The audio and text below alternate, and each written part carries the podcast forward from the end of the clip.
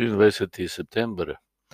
Danes eh, nam berila spet pomagajo še globlje razumeti, pod kakšnimi pogoji Bog deluje skupaj z nami. Spomnim se na pravila svetega Ignacija o obnašanju v potrtosti in tolažbi. Ko si potrt, ničesar ne spreminjaj, ampak se spomni, da z vsakim dežjem posije sonce.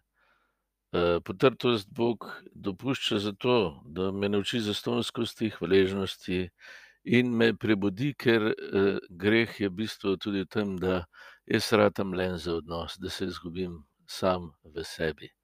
No, in po potrtosti me Bog prebudi spet za odnos, za hvaležnost in za zastonskost. No, v Evangeliju je rečeno, je pokazana ta tolažba, ki jo doživljajo učenci ob Jezusu, so navdušeni. Ampak Jezus jim takoj pove: trpljenje bo prišlo, umrl bom, mučili me bojo, vi ste te razbežali. Um, zakaj to govori? Ja, da jim da korajžo, da ne bodo obupali, ko se bo to dogajalo, da bodo vedeli, da uh, zlo nima oblasti. Ne? Prvo berilo pa, pa, pa ravno nasprotno govori o potrtosti. Izraelce napada obup, njihove ambicije, načrti se ne uresničujejo, nimajo sredstev, in uh, sred te potrtosti dobijo sporočilo tolažbe.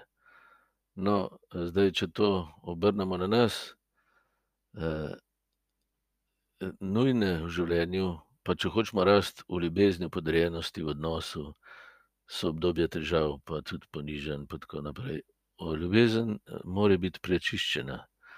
Pravi, se osebnega odnosa naučim.